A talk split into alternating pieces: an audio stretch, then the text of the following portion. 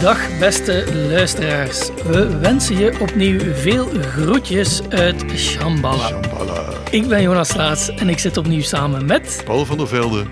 Samen reizen we af en toe door de wereld van de hedendaagse spiritualiteit en esoterie. In onze podcast wisselen we telkens weer van gedachten over wat we op die reizen te zien krijgen. We hopen dan maar dat onze gesprekken wat inzichten kunnen bijbrengen of onze luisteraars ertoe aanzetten een en ander zelf wat verder uit te vlooien. En Paul, deze keer zou ik graag even van gedachten wisselen over Tantra. Tantra, zeker. Ja, ja. over uh, spiritualiteit en seks. Want uh, Wow, ik, vermoed, wow. eh, ja, ik vermoed dat dat ook weer extra abonnees op ons podcastkanaal zal denk opleveren. ik hè, wel, want ja. ook in de wereld van spiritualiteit en religie kan eh, de aandacht van mensen soms wat gemakkelijker getrokken worden door alles wat eh, erotischer te maken. Ja, ja, ja, ja. Eh, maar goed, dat is eh, eigenlijk helemaal niet de reden waarom ik het over dat thema met u wil hebben. En wel omdat ik er onlangs een boek over las. Meer bepaald het boek The Power of Tantra van de gerenommeerde religiewetenschapper Hugh Urban. Nu, het is een beetje een academisch boek, het richt zich nogal specifiek op de Tantra-traditie, die rond één specifieke tempel in India daar zich afspeelt. Maar ik vond het op zich aangenaam lectuur en vooral het heeft mij nogal bevestigd in een aantal bedenkingen die ik al enige tijd had rond de manier waarop men in Europa en Amerika de laatste Ja. jaren met tantra aan de slag is.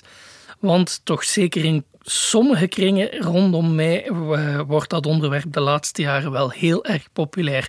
Nu, Ja. dat zegt misschien meer over de kringen eh, waar dat ik mij in begeef dan over de populariteit van tantra dat, op dat zich. mag ik je weet het zo afvragen, Jonas. Dat mag je kunt u dat afvragen, ja. Ja, maar ik, allee, dus ik weet niet hoe populair Ja. het wel is. Ik heb de indruk alsmaar meer.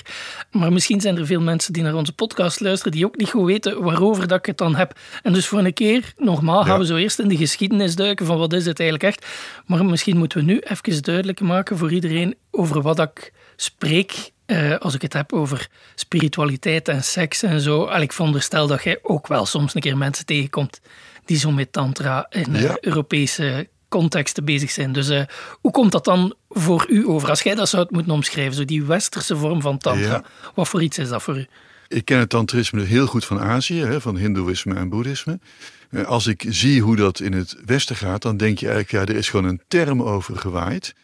En die zijn eigen leven gaan leiden. Valt het woord tantra, dan denken mensen meteen aan verdieping van erotiek, et cetera. En ehm, als je wordt uitgenodigd voor een tantra weekend, ja, dan, dan eh, als ik mensen daarover hoor, want ik ga er uiteraard niet naartoe. Maar eh, als je daar mensen over hoort, dan hoor je zaken over eh, ja, boerderij, veel kussens, eh, warme ruimtes. Men loopt ontkleed rond en verdiept zich in massages, eh, erotiek. Eh, vaak wel, als het eh, even kan, wat sterk gedisciplineerde erotiek. Want er wordt heel vaak gezegd, het orgasme wordt worden uitgesteld, et cetera. Nou, dat klinkt allemaal behoorlijk esoterisch. Maar met tantrisme, zoals ik het ken uit Azië, heeft het eigenlijk heel weinig van doen. Je kwam dit tegen in de beweging van Osho bijvoorbeeld. De, de, de Bhagavan. Daar had je eh, tantra-workshops en dat ging over erotiek. Echt verdieping van erotiek. En eh, in Azië is dat echt heel anders. Ja. Het instituut waar ik vroeger ben opgeleid, de Universiteit van Utrecht, daar eh, was tantrisme een van de onderwerpen waar veel onderzoek naar werd gedaan. Nou waren ze daar met name bezig met onderzoek naar teksten. Met name de Kupjika Mata Tantra, een tekst uit Nepal. En de, de, de Tantra, de tekst over de gebochelde moeder. Maar ik kan me heel komische dingen herinneren. Op een gegeven moment eh, zaten wij in de bibliotheek. En we wisten dat dit allemaal speelde. Wij zaten als studenten in de bibliotheek te studeren. En de hoogleraar Aziatische kunstgeschiedenis komt een beetje overstuur de bibliotheek binnengestormd. En eh, ja, voor zover zo'n man stormt, hè, want die scheidt natuurlijk. Maar eh, maakte wat onthutste, in, onthutste indruk, wat, wat blik in de ogen. En vroeg ons eh, wat, wat er nou toch is gebeurd. En wij zeiden, wat is er gebeurd, professor? Hij had zich eh, aangemeld voor een congres over tantrisme in Duitsland. Nou goed, dat kan gebeuren. En had toen een brief teruggekregen of eh, het publiek bij zijn lezing naakt moest zijn. En ja, een keurige hoogleraar die zich bezighoudt met tantrisme in kunst en, en, en, en teksten. Had natuurlijk totaal geen idee waar dit over ging. Dus ze moesten hem ook echt bijbrengen. Ja, something happened while you were in the library, professor. Dus er is, er is echt, dat die term is iets anders gaan betekenen dan die strikt genomen eh, ja, tussen de, ja, de vergeelde boeken van het Instituut voor Oosterse Talen aan de Nobelstraat in Utrecht uh, betekende. Dus dat is, dat is wat anders. Tantra, kijk, het woord tantra betekent leidraad. Draad. En uh, de term staat met name uh, tegenover teksten die de autoriteit van de Veda hebben. dus de, de Veda-teksten die dus de autoriteit hebben van die oude geopenbaarde literatuur, uh, oude geopenbaarde hymnes. Daar staan die tantra-teksten tegenover. Het is trouwens ongelooflijk complex om precies te zeggen in hindoeïsme en boeddhisme wanneer iets tantrisch is en wanneer niet. Mijn oude docenten hebben daar een enorm boek over geschreven. Nou, die geven wel twintig criteria wanneer dat nou precies is. Maar ik hou voor mijn eigen student altijd een beetje aan als de, de, de mantra's, de toverspreuk kun je zeggen, de, de, krachtige woorden. Als die niet van Vedische afkomst zijn, dan kun je kijken of er sprake is van tantrisme.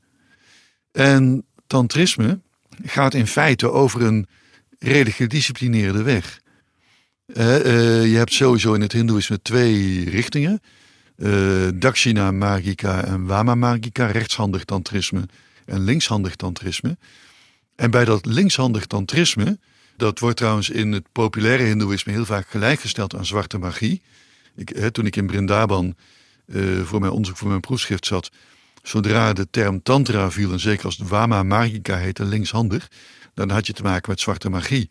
Dat ging over uh, rituelen in de donkere nacht, bij de nieuwe maan en zo, als ja, het stikke donker was. interessant dat ik in het boek van Hugh mm Urban heb gelezen dat de uitdrukking tantra mantra ja. Dat hetzelfde betekent als in het Engels mumbo jumbo en in het uh, Nederlands hocus pocus. Ja, dus, ja, ja. ja, ja, ja. dat, dat bij ons, ja, mantras, hè, dat zijn verheven manieren om te mediteren. En tantra is dan de verheven manier om tot een uh, vrijere seksualiteit te komen. Maar de twee samen in India, en dan gaat het echt over mumbo jumbo. Die mensen die daar wat mee kruiden en rare dingen en spreukjes en magie bezig zijn. Ja, ja, klopt. Dat is zo. En uh, kijk, in, in het Wama Marika tantrisme is het een vast idee. Dat kom je in hindoeïsme en boeddhisme tegen.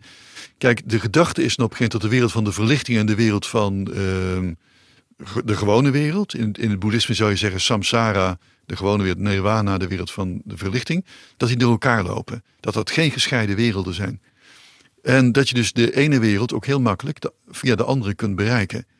En wat er dan gebeurt is dat uh, de gedachte is dan als je je houdt aan de wetten van de wereld, gewoon hè, het uh, wetboek, dan uh, bindt dat jou aan samsara. Ga je die regels ontkrachten, ga je er tegenin, ja, kijk, dan beland je als vanzelf in de andere wereld, de wereld van de moksha, de wereld van uh, verlichting, nirvana, et cetera. Dus deze mensen gaan alle taboes van hun tijd, gaan ze overtreden. En dat betekent bij het linkshandig tantrisme, en we komen zo meteen op de erotiek hoor, maar het is eventjes een, een, een mhm. wat moeizame toegang tot dat ja, uh, Maar het is nodig om het te begrijpen. Hè? Ja, anders snappen we er geen hout van gewoon. Nou goed, de bedoeling is dan dat je dus door het ontkrachten van de wetten van de wereld komt tot een andere wereld, dwars door de wereld heen. En je belandt in de andere wereld door, door de weg van deze wereld te gaan. En daarbij horen dan de zogeheten pancha makaras, de vijf emmen. En het zijn vijf verboden ingrediënten, die alle vijf in het sanskriet met een M beginnen. Dat is in de eerste plaats uh, mamsa, vlees. heel veel hindoes en boeddhisten uh, waren toch uh, vegetarisch, dus het eten van vlees was een verboden ingrediënt. Tweede was matsya, vis. Nou, daar geldt hetzelfde voor. De derde is madhu, en dat is wijn. Wat, wat ook in Hindoeïsme en Boeddhisme allebei eigenlijk een verboden ingrediënt is. Als, als mensen gaan drinken, nou, dan is er echt iets, iets, iets raars gaande. De vierde is uh, mudra. En mudra kon betekenen gefermenteerd graan, hè, waardoor er visioenen optraden.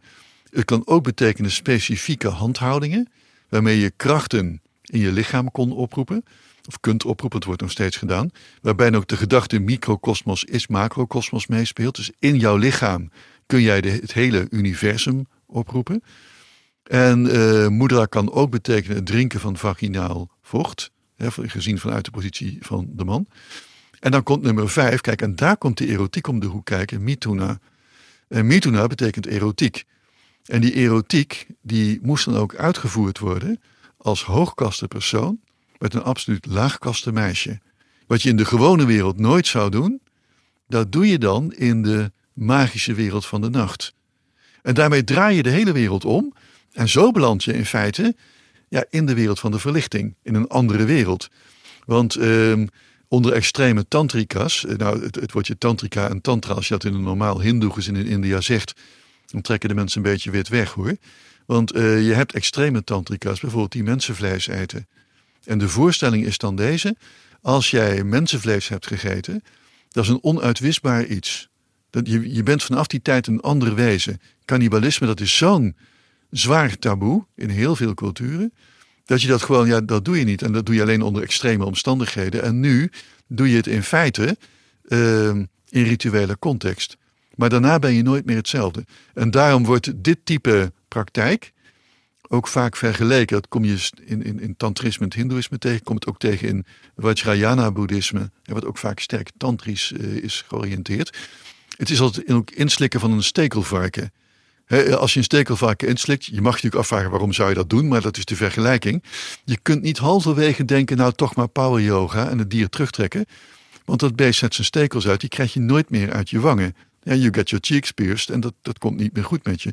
Dus het is een weg, als je die eenmaal gaat, moet je hem ook helemaal gaan. En die Wama Marika praktijken, dus met die vijf geheime ingrediënten, die zijn zeldzaam, maar ze zijn er. Ik heb het uh, gezien ooit in India in de Krishnaïtische context. Ze zijn er. Maar het is zeldzaam. Maar het is dus een, je, je kunt zeggen een weg door de wereld heen. Nou, dat, dat is die erotiek, die tantra-erotiek hier natuurlijk ook. Mensen zien erotiek, wat in heel veel religies toch als een... Ja, dat hoort thuis in het gezin, dat hoort thuis tussen twee mensen. Uh, waar een heleboel inperkingen omheen zitten. Uh, opeens zit daar een hele andere lading aan. Want dat ga je ook met een andere partner doen dan je eigen partner. En uh, dat leidt dan tot een soort bevrijding. Uh, ja, die je dus wat dat betreft ongelooflijk zou moeten veranderen. Ja. Maar het is, het is gewoon zo, net zoals zoveel met, met zoveel Aziatische onderdelen van, van dingen die in Azië nou eenmaal gebeuren. Men is er hier weer ongelooflijk selectief mee omgegaan. Heeft er één dingetje uitgepikt. En ja, daarmee gaat men aan de gang. Ja, en dus het is interessant, want gelijk dat zegt, het is niet alleen het woord, er is daar zo wel iets met seksualiteit, ja, maar dat is ja. één van de vele facetten ervan, dan nog niet eens het belangrijkste. Dat vond ik trouwens heel interessant aan Hugh Urban zijn boek. Hij gaat door zo een aantal van de meest belangrijke tantrische teksten uit meer uh, de, de Bengaalse contexten van India. En um, hij gaat erdoor en hij gaat gaan kijken hoe vaak dat seks voorkomt in die geschriften, in die tantrische teksten. En dat is quasi niet, behalve in twee belangrijke werken wel. En daar is het een minimaal aandeel. En als het aanwezig is in de teksten, ja, dan heeft het vaak ook helemaal niks van doen met wat wij ervan maken. Allee, zeker niet een, een leuke spiritueel seksuele ervaring hebben of zoiets. En dan gaat het wel weer over die mambo jumbo, gaat het over magische krachten opdoen, door exact hetgeen dat je beschrijft, bepaalde handelingen te stellen die uh, bezoedelend zijn, die overschrijdend zijn, die voorbij de grens gaan. En juist omdat ze zo ongelooflijk voorbij de grens gaan, doorbreekt je ego en zou je in een andere staat terechtkomen. Ja, klopt, maar dat zo voorbij de grens gaan in die tantrische teksten is dan soms niet alleen een brahmin zijn die seks heeft met een lagere kaste, maar uh, er seks mee hebben tot wanneer dat alles, zowel het menstruatiebloed als je eigen sperma, als het normale vaginale vocht, dat dat allemaal ineen zit, dat je dat opvangt en dat dan opdringt. Dat, ja. dat is een van de manieren om magische krachten op te doen. En dan denk je inderdaad, um, wacht even. Ja. Dat is niet wat ze bedoelen als ze een tantra-weekend gaan nee, doen. Ik denk, ik denk, ik, nee, nee, ik denk het niet. Nee, nee, Jonas, ik denk echt dat ze dat niet bedoelen. En dat is wel de praktijk van, van Azië. Ja, hoor, dat is de praktijk van Azië. Je had ook speciale meisjes, die heb je trouwens nog steeds daarvoor. Zo heet het Domri-meisjes. Mm -hmm. Vaak van hele lage komen af, of van gemengde afkomst of zo. En die kun je herkennen eraan dat ze hun haar nooit kammen. Dus die hebben dus helemaal vervlochten, verveeld haar. En uh, vaak hele slechte gezondheid, uh, tanden ontbreken. Uh, ik heb het, wat, wat, ik heb gezien was het een oude vrouw. met ook van dat verveelde haar. staar in één oog, tandeloze mond en zo. Het heeft heel weinig te maken met ja, verdieping van erotiek of zo.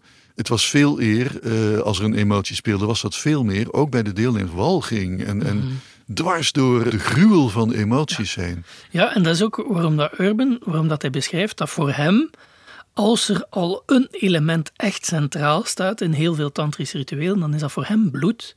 Dan gaat het over niet alleen dat menstrueel bloed, maar ook het doden van dieren, gelijk dat je zegt, om ze op te eten. Oh ja. Iets wat dan not done is in een redelijk dominant vegetarische context. En dus het gaat heel vaak over rituelen waar dat bloed bij komt kijken. En Ja. bloed als iets dat je moet mee opletten, omdat u zo rap onzuiver maakt dan weer. En, dus, en, en ook vandaar dat het zo vaak gekoppeld is aan eh, Kali als godin. hè, Zo de, godin die alles kapot maakt en dood doet en wegvaagt enzovoort. Echt de, als je het in Freudiaanse termen zou zeggen, het is de totale verbinding van niet gewoon van Eros, maar van Eros doorheen die een Thanatos. Zo, hè, dat dat Ja, dood en oh, ja. destructie en in het donker van, van het leven te gaan staan. Dus ik moet zeggen, op zich, ik blijf dat wel super boeiend vinden dat er zo'n traditie Zeker. is waarin dat je inderdaad die... Een beetje gelijk dat je het zegt, dat je, als je dan die keuze gaat, ja, dan moet je ook wel helemaal gaan. Hè? Maar ze helemaal, helemaal gaan. betekent in dat donker gaan staan Ja. en jezelf buiten de samenleving plaatsen. Ja. Als je dat Ja. echt doet, jezelf er buiten plaatsen, ja, kan me inbeelden dat dat inderdaad een bepaalde ervaring heeft en een andere mens van u maakt. Ja. En Dan, voor sommigen, voor, voor sommigen waarschijnlijk effectief geleid heeft tot een bepaalde eh, hoogstaande spiritualiteit. Ik kan me dat Ja. ergens wel inbeelden. Dus eh, ik vind dat super boeiend, maar omdat je daarnet zei van. Bij ons halen ze er dan die seksualiteit uit en ze maken er dan Ja. iets anders van. Eigenlijk eh, een leuke, bevrijdende seks die een beetje Ja. voorbij gaat aan de normatieve seksualiteit bij ons. Nu, het is natuurlijk wel zo dat de norm nog altijd mama, papa en twee kindjes of zoiets is, zeker. Ja. Maar ik vraag mij wel af in wat voor mate dat zelfs datgene wat men dan in kringen doet, waar dat men met tantra bezig is, in wat voor mate dat dat echt grensoverschrijdend is. Want ja, oké, het is niet de norm, maar op zich in onze samenleving veel seksuele partners gehad hebben, eigenlijk is dat wel iets stoer. Eigenlijk is dat iets dat toont hoe plezant dat je leven is geweest. Dat heeft helemaal Ja. niet te maken met, gelijk dat ik daarnet zei, u buiten de samenleving plaatsen. Nee, zeker niet. Zeker niet. Het is natuurlijk wel zo dat als een man veel partners heeft gehad, dat het vaak eh, stoer staat. Ja, Als een vrouw veel partners Ja. heeft gehad, wordt er vaak heel anders over Absoluut, gedacht. Hoor. En dat blijft, eh, ja. ja, ja. en dat dat, dat dat eigenlijk hetzelfde zou zijn, nee, Mhm. dat, dat Mhm. wordt toch in praktijk niet als zodanig gezien. Dat, Nee. dat, dat, dat blijft in de samenleving aanwezig. Maar ik deel heel erg met jou het standpunt. Het is absoluut niet zo als je een tantra weekend hier hebt gedaan in zo'n verwarmde vakantieboerderij. Ja, dat dat leidt tot een compleet andere leven of zo. Nee. Wat, wat in India eigenlijk echt wel de bedoeling is. Je bent echt een ander wezen daarna. ja. En je roept ook kracht op in je lichaam. Je gaat ook eh, ja, in je lichaam allerlei eh, ja, spirituele vermogens, magische vermogens lokaliseren. En die moeten ook weer opnieuw oproepbaar zijn. Hè, dus dus eh, een tantrika eh, herhaalt de rituelen nog wel eens een keertje. Ja, en wat ook een fors verschil is als hier een tantra weekend of in Azië. Hier gaat het in principe over man en vrouw. Mm. In Azië is het doorgaans toch echt de man die deze vermogens krijgt en niet de vrouw. Dus tantra als, als een soort bevrijdend iets, ook omdat de godin een belangrijke rol speelt. Nou, dat speelt met name in de andere wereld, maar niet in de gewone wereld. Ja, ik zit even te denken aan een gedicht van, eh, ik heb ooit de tantrische eh uit Bengali poëzie vertaald. Dus eh, de liederen van de Siddhas, wat dan, het is in feite de nadagen van het boeddhisme. Maar veel van die Siddhas duiken ook op in latere hindoe teksten. En daarin eh, zegt een, een mysticus als Kanha ook: Domri, eh, jouw hut is buiten het dorp. Je bevredigt brahmanen en laagkaste mensen, maar je hut is buiten het dorp. In het ritueel s'nachts bevredig je iedereen, maar jouw hut, die bij het dagelijks leven hoort, die is buiten het dorp. Dat is buiten de gewone samenleving. Eh, je hoort heel vaak mensen hier zeggen binnen tantrisme en shaktisme is de positie van de vrouw beter. En dat is niet zo. Nee, Dat speelt in de symboliek, dat speelt in de andere wereld, maar niet in onze gewone dagelijkse wereld. Als een vrouw met eh, tantrisme in India bezig is, als men dat weet, men gaat er met een boog omheen, want ze is gevaarlijk, ze is onrein. ja. Dus daar is dat inderdaad zeer patriarchaal. En dat is, dat is op zich Ja. is dat wel een positief eh, punt aan de manier waarop dat men hier met tantra bezig is. Gelijk dat Ja. zegt, dat is ook mijn ervaring. Daar is dat heel ehm, op gendervlak uh, gelijkwaardig, toch voor zover ja. ik tot nu toe heb gezien. En dus in die zin heb je ook gelijk, hè, voor, voor vrouwen is dat nog altijd iets anders. En dus als dat een manier is voor veel vrouwen om hun seksualiteit op een meer vrije manier te mogen beleven dan, um, dan dat de samenleving dat opdringt, dan, dan kan ik daar uiteraard uh, op geen enkele manier een probleem mee hebben. Ja, het moet nu op anderhalve meter afstand natuurlijk. Maar goed, dat, uh, ja. inderdaad. inderdaad. Um, maar niettemin, ja, het, ik moet zeggen, we hebben het er al vaak over gehad. Ja, hoe goed mhm. eh, de dingen die men uit het oosten plukt, men doet er hier iets anders mee. En dat is met die tantra ook. De, de beeldvorming ja. er rond heeft veel meer met een soort Jungiaanse spiritualiteit rond archetypes. Hè, de moedergodin en vrouwelijke energie en, mannelijke energie. En hoe dat, dat bij jezelf in evenwicht zit of niet in evenwicht zit. En door met elkaar in interactie te gaan, zoekt je naar die balans. Allemaal goed en wel. Maar ik, ik blijf het er op zich lastig mee hebben bij Tantra. En ik weet niet goed waarom. Misschien, ik vind dat gewoon zo gigantisch ver gaat. De manier waarop dat men iets heeft geplukt uit een context, zo heeft omgedraaid. En dat op zich is dan nog zo erg niet, want dan zou dat gewoon een woord zijn. Maar dan blijven doen. Alsof dat er een link is met dat oude. Het is vandaar dat komt en dat waren oude spirituele wijsheden. En daar in het oosten, ze hadden het door. En kijk, vandaag oh, hebben we daar de nieuwe versie van. Nee, daar heb je nee, helemaal absoluut niet. Het heeft er niets mee te maken. En dan als het even kan ook nog combineren met het oude Egypte en Kreta. Want daar heb je ook afbeeldingen van slangen en zo. Want de slang moeten we nog even over hebben. De kundalini en zo. Het slaat nergens op. Het is gewoon een nieuwe uitvinding hier. Het, het is niet oud.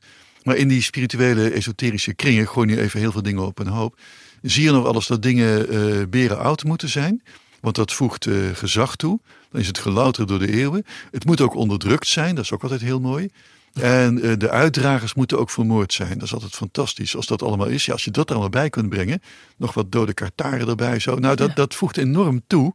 Uh, het is geheim, het is esoterisch, ja. niet ja. voor iedereen toegankelijk. Uh, het vereist een zeker ontwikkeld oog om het te zien, et cetera. Weet je ja. Op dat vlak trouwens ook interessant. Hugh Urban, zijn boek, dat wist ik nog niet van die tantra. Daar uh, rond die tempel in Kamakya die hij beschrijft. Ja, Kamakya. Ja, ik ben er geweest um, ooit. Ja. Wel, de traditie die daar ontstaan is en daar eeuwen geleefd heeft, die is daar ook eeuwen in stand gehouden omdat ze betaald werd door de koning. Dus helemaal niets onderdrukt. Het was de koning die nee. s'nachts in het donker dingen deed, die hem dan nog een keer extra macht en kracht zouden brengen. Dus heel het bloed en slachten, het is niet onlogisch ook, want hij was degene die moest gaan strijden en mensen dooddoen, dus hij deed het sowieso. Dus hij kon ook in, die, in dat donkere stuk van het leven gaan staan, nog veel meer. En dus was hij met die teksten aan de slag. Dat was helemaal niet zoiets dat per se altijd aan de verdrukkende kant heeft nee. gestaan of zoiets. Nee, nee. Uh, het speelt in uh, Kathmandu. De koning met de Kumari. Mm -hmm. Die Kumari-cult is niet zo vreselijk oud, dat denk ik wel, het valt wel mee. Maar er is een keer een, een meisje omgekomen bij een bepaald ritueel. En sedertdien wordt uh, de godin Taleju vereerd al in de vorm van dat kleine meisje. Het is uh, Kathmandu, Patan en Bhaktapur hebben alle drie een eigen Kumari-tempel. Daar wordt een jong meisje als godin vereerd. En zij blijft die godin tot ze bloedt. Dus als een keertje valt, knietje beschadigd, is de eh, godin eruit. Of als ze begint te menstrueren, is het natuurlijk ook afgelopen. Dan wordt er een nieuwe Kumari gezocht, een nieuw meisje. En die, wordt dan, die beleeft dan de, de belichaamde godin dan weer. Dat heeft met die cultus te maken. Niet dat de koning dat meisje de Kumari nou gebruikt. Maar dat is wel een keer gebeurd waarbij het meisje is omgekomen. Ja, men zegt dan bij een schaakspel. Maar ja, het schaakspel staat vaak voor het spel tussen Shiva en Parvati. En dan Shiva en Parvati zitten vaak te schaken samen. En dan uh, is Parvati even afgeleid. Shiva meteen boos, want ze moet natuurlijk de hele tijd met hem bezig zijn. En dan uh, maakt Parvati een soort opmerking van, nou ja, zeg zo man. Dan zegt Shiva, hoezo dan? Nou, dan begint Parvati een tantra te vertellen. Dat is heel vaak die context. Maar ja, schaakspel staat ook wel voor, uh, hoe zou het zeggen, dus de, de hellende vlakken en de schuivende stenen. Dat kun je ook symbolisch zien hè, uh, in dit verband. Het is altijd Shiva met Parvati aan het spelen en dan voltrekt zich zo'n zo'n tekst. En de godin weet dat. Zij is wijsheid. Zij, is, zij is de wijsheid die die tekst dan openbaart. Maar dat zegt heel weinig over vrouwen in de samenleving. Mm. Dat is een heel verschillende godin en een vrouw. Dat, wordt niet, dat is niet zonder meer hetzelfde. Ja. Ja, wat ons terugbrengt tot uh, de kundalini en de vrouwelijke kracht ja. en zo. Wat dat veel ja. mensen er wel in lezen en wat dat dan onderdeel is van de spiritualiteit van vandaag. Ehm, ja, wat, wat wou je daarvan zeggen, van die Kundalini? Ja, Kundalini, dat is, dat is een, een, een visie op het lichaam. Hè? Dus, dus uh, men gaat er dan van uit dat er onder in het lichaam een, uh, een kracht ligt. Die wordt dan vaak de Kundalini, uh, de, de, de, de gekronkelde kracht genoemd. Kundala betekent oorring of haarkrul. Er ligt een kracht in het lichaam. En die kracht die is geblokkeerd. En normaal gesproken eh, beweegt die kracht zich door eh, hele kleine kanaaltjes in het lichaam. Maar daarmee komt een mens niet tot volwaardige potentie. Die kracht is, is, is beperkt. Nou, door de tantrische beoefening, en dat zijn speciale mantra's, daar horen ook die vijf M's eventueel bij, uh, wordt die kundalini wakker gemaakt. En die kundalini zou dan opstijgen door een centraal kanaal, hè, wat, wat in de normale wereld geblokkeerd is, dat is bij ons nu gewoon geblokkeerd. Uh, die kracht uh, klimt dan omhoog. Het is een vrouwelijke kracht, Kundalini geheten. Die wordt met een slang vergeleken, kruipt omhoog. En boven het hoofd, uh, want die, die, kracht gaat voorbij een aantal chakras. Dan valt die hele belangrijke term mm -hmm. chakra. Hè, je kunt zeggen, ja, wordt voorgesteld als een cirkel of een magisch diagram of zo. Die kracht klimt omhoog. En boven het hoofd bevindt zich de Sahasra Patra Padma, de lotus met duizend blaadjes. Daar zit de mannelijke godheid. En als die twee samensmelten, die, die, die woedende godin die naar boven komt en die godheid, dan treedt de verlichting op. De opposities worden overkomen. Dus de oppositie tussen de gewone wereld en de verlichte wereld vallen samen op dat moment. Waar, waar dus Kundalini en godheid samenkomen, Shiva, de godheid, en Shakti, om het even in de Shiva-termen te zeggen, daar treedt verlichting op. In het boeddhisme wordt er dan gezegd, bovenin zit de bodhicitta, dat is dan de mannelijke component, die vaak wordt gelijkgesteld aan uh, mededogen. Wijsheid is de vrouwelijke component, die klimt omhoog. En waar die twee versmelten, ja, daar treedt dan de verlichting op. Maar die kundalini-kracht, als die eenmaal is samengesmolten, dan heeft hij de neiging naar beneden te zakken. Als een gloeiende vrouw. En verbrandt alles op haar weg. Dat deed ze trouwens naar bovengaand al. Dus de chakras naar boven verbranden. Dus dat, dat, staat ook in de teksten zo, in de poëzie. Uh, de kloosters worden verbrand. Dus die lagere chakras, die verbranden. Daarom kun je ook niet terug. Ga je dit pad, dan moet je doorgaan. Want je kunt niet terug, want er is geen weg terug, want die is geblokkeerd. En uh, dan uh, op een gegeven moment is die kundalini omhoog opgestegen. Die zakt dan weer, die, die, die hete kracht. En zodra de verlichting optreedt, zou er zich in het hoofd een vat ontwikkelen met amurta, met onsterfelijkheidsdrank. En uh, dat vat, daar zit een lek in. Dat lek wordt genoemd de tiende poort. Het mannelijk lichaam heeft negen openingen. En de tiende poort is dan die opening in dat vat. En daardoor druppelt die onsterfelijkheidsdrank naar beneden. Op die, op, op die brandende vrouw. En daarmee verdampt de onsterfelijkheid. Dat moet je niet hebben. Dus je moet dat tiende, die tiende poort leren sluiten. En dat doe je door de zogeheten Kechari Mudra. En de Kechari Mudra is uh, Little Children, Don't Try This at Home. Dat is een oefening waarbij je je tong inslikt. En daartoe wordt bij asceten zelfs de onderkant van de tong losgesneden. En kijk maar eens op internet Kechari Mudra. K-H-E-C-A-R-I-M-U-D-R-A. Kechari Mudra. Dan zie je asceten inderdaad hun tong omdraaien en inslikken. En de voorstelling is dat als je dat doet, wordt de tiende deur gesloten en blijft de onsterfelijkheid in jouw hoofd. Het is nogal wat. Ja, het is interessant. Dat, dat soort rituelen wordt dan inderdaad weer niet opgepikt. Maar het, het nee. eerste dat hij zei wel is zo heel, heel het idee van uh, het vrouwelijke en het mannelijke dat zich moet verenigen en uh, ja. tot de spirituele verlichting leiden. Dat, dat zijn dan elementen die wel worden opgepikt in hedendaagse spiritualiteit ja. in, in West-Europa ook. Uh. Nou, een van de dingen dat ik mij wel nog afvroeg binnen dat alles is. Um, men gaat dan al gauw ook een keer naar de Kama Sutra verwijzen, maar ja, ik, ik, weet klopt. eigenlijk niet waar dat ik die moet plaatsen in het geheel van Tantra ja. en de Hindoe-tradities enzovoort. Nou, die hebben eigenlijk heel weinig met elkaar te maken, ja. Kama Sutra en Tantra. Terwijl wat ze in die boerderijen doen, ja. hier, is meer Kama Sutra dan Tantra eigenlijk. Okay. Ja, de Kama Sutra is een tekst die gaat over het beschaafde uh, stadse leven.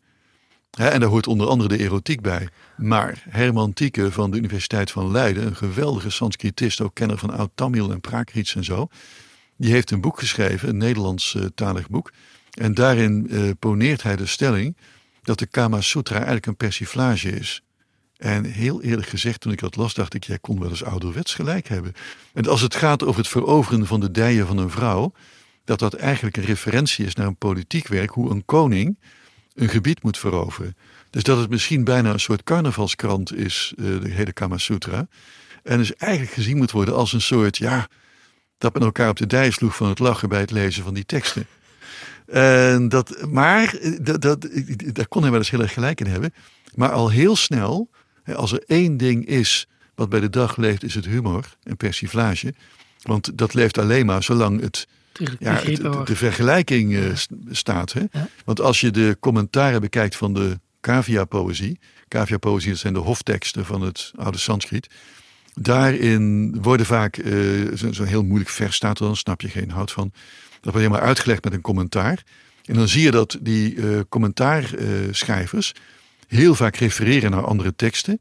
En dan de Kama Sutra ook direct al als een hele serieuze tekst over erotiek zien.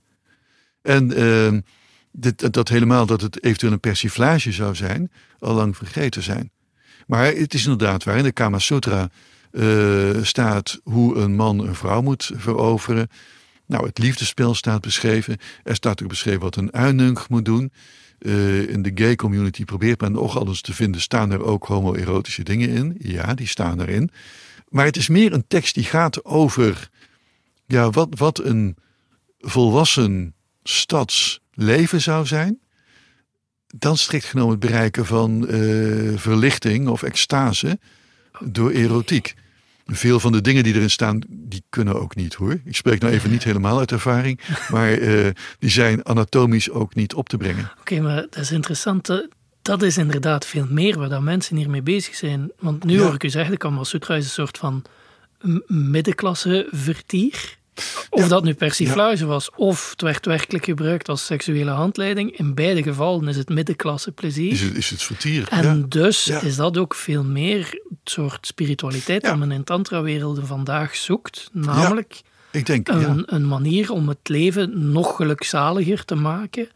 En dan zijn we er weer helemaal niet met transgressie en mee zoeken naar het... Uh, het hardcore donker in jezelf. Ik moet een beetje opletten wat ik zeg, omdat ik weet zo uh, licht en donker en, en hoe dat je naar het donker in jezelf moet kijken, is ook onderdeel natuurlijk van die tantrische spiritualiteit in het zeker, Westen zeker, zeker, ook. Ik vind alleen dat men dat soms um, een beetje op een ja, middenklasse manier aanpakt, ik zal het zo zeggen. Ja, ja het doorbreken van burgerlijkheid ja, en zo speelt ja, zoiets. Het is een doorbreken kijk, kijk, van burgerlijkheid en dat op zich doet men vaak op een vrij burgerlijke manier of zoiets. Ja. Ja, um, ja. En wat ons helemaal tot Osho brengt, die zo'n persoon was, je hebt hem helemaal in het begin aangebracht. Ja. En moet mij nu niet over Osho gaan, kunnen we een andere keer nog over hebben, maar ik vroeg me af, is hij werkelijk de man die heel dat idee van tantra, spiritualiteit en seks aan elkaar gekoppeld, komt dat van bij hem en van bij zijn workshops? Of zit daar meer achter? Er is natuurlijk ook het orientalistische ja. idee eh, van mm. het Oosten. Er is altijd gedacht, het Oosten is barbaars en primitief. Maar aan de andere kant, ja. het Oosten was ook altijd sensueel. En, oh, en kijk, ja. we pakweg de harems en, enzovoort. Dat soort concepten van hoe, hoe uh, achter die sluiers, daar zitten uh, mooi gevormde vrouwen. En als je maar achter die sluiers gaat. Zo dat idee is ook een typisch orientalistisch iets natuurlijk, waar je dan vandaag in zekere zin nog altijd uh, de, de overblijfsels van hebt. Um, ja, zeker, maar goed, ja. dat is één ding, dat is, dat is breder maatschappelijk. Maar zo echt de manier waarop dan men vandaag boekjes verkoopt over tantra als erotische spiritualiteit, is dat echt... Moeten we het zoeken bij Osho of is er meer aan? Nee, het, het is ouder. Uh, Arthur Avalon, The Serpent Power okay. en zo. Dat soort. Uh, en dat, dat komt heel erg voort uit de esoterie ja, van begin 20e eeuw zo. En denk ook aan mensen als uh, Crowley. Uh, ja, ja Alistair Crowley. Ja, ja, ja. Ja. ja. Nou, nou is dat veel meer westers magisch gedachtegoed dan Aziatisch, maar het raakte er wel aan. Ja, ja. Oké, okay, maar dat was het, inderdaad het, wel zo die... Dat occultisme van het begin van de 20e eeuw, dat had wel nog een veel magischer kant dan, dan tantra vandaag. Hè? Ja. ja, klopt, klopt zonder meer. Het, het is wat dat betreft uh, is, is tantra geseculariseerd of zo. Ja. Het is veel meer ja. Uh, ja, wat vreemde manier van seculariseren, maar ja. eroti erotische secularisatie. Ja, nou goed, uh, het kan altijd gekker. Dat zie je maar weer. ja, het, het zit bijna een beetje in, in, in die sfeer. Want zo'n tantra eh, weekend, mensen zullen het spiritueel noemen, maar zeker niet religieus. Nee. Uh, die term zal niet vallen. En ja, viel het nou bij Alistair Crowley, ja, dan viel weer die term occult. Hè? Ja. En dat werd weer als een soort concurrentie gezien van, ja, van christendom. Het werd ook als gevaarlijk gezien. Het was Wicca, het was zwarte magie. Het, het wordt ook een heel amalgaan van termen hè, die dan bij elkaar komen. En tegelijkertijd, als je denkt aan Kundalini, uh, Jung, die, die, die noemde net ook al eventjes, Ja. die heeft op een gegeven moment, uh, één vrouw had dan het gevoel dat ze een slang in haar lichaam had. Ik heb daar eens tekeningen van gezien. En Jung verbond dat meteen met Kundalini. Dat als je dan ziet wat die vrouw visualiseerde, nou in niets lijkt dat op de Kundalini-voorstellingen van Azië. Maar de connectie werd makkelijk en snel gevonden. Ja. He, slang in het lichaam, oh, dus Kundalini. Zie je wel, universeel. He, zo, zo, zo werd dat heel makkelijk aan elkaar uh, gekoppeld. Terwijl Ja. het gaat over wezenlijk andere dingen. Ja. En ik moet er ook, ook nog even bij zeggen trouwens dat men in India... In India sneed men niet in lijken. He, anatomie, dat deed men niet zozeer. Lijken zijn onrein, die moeten heel snel gecremeerd worden. En ik heb ooit gelezen dat Dayananda Saraswati, een van die grote swamis, ik dacht mis dat hij het was. Dayananda Saraswati of Vivekananda, een van de twee. Ik heb het gelezen in een van de werken van een van die, over een van de twee. Dat ze op een gegeven moment een anatomie hebben gezien van een lichaam. En tot hun grote verbijstering de chakras niet tegenkwamen. En dat dat ook betekende dat, uh, was het nou toch Dayananda? Nou, een van de twee, ik ben het even kwijt. Maar een van de twee, uh, toen ook direct uh, Tantra heeft afgewezen. Dat is onzin, want die chakras bestaan niet. En dat er toen wel een lezing kwam dat die chakras veel meer spiritueel moesten worden gezien als energiecentra. En ja, zodra het over energie gaat, dan zitten we toch al heel vaak in ja. de moderniteit. Hè? Ja. We zeggen heel makkelijk, ja, die oude volken, dat ging allemaal over energie. Ja, dat is wel heel erg onze moderne interpretatie Ja. ervan. Ja, dat lijkt mij een onderwerp waar we misschien de volgende keer moeten uh, Ja, het over hebben. Chakras. Of uh, misschien niet de volgende keer, maar uh, komt er zeker nog wel een keer van een ons keer. daarin Ja, uh, ja. gaan verdiepen. Zo, beste luisteraar, het zit er weer op voor deze keer. Paul en ikzelf wisselen op geregelde tijdstippen van gedachten over allerhande boeiende, spirituele, esoterische en religieuze fenomenen die mensen van oost tot west in de ban houden. Dus voor de luisteraars die dat nog niet zouden gedaan hebben, abonneer je in je favoriete podcast-app, zodat je zeker op de hoogte blijft wanneer onze volgende aflevering online wordt gezet.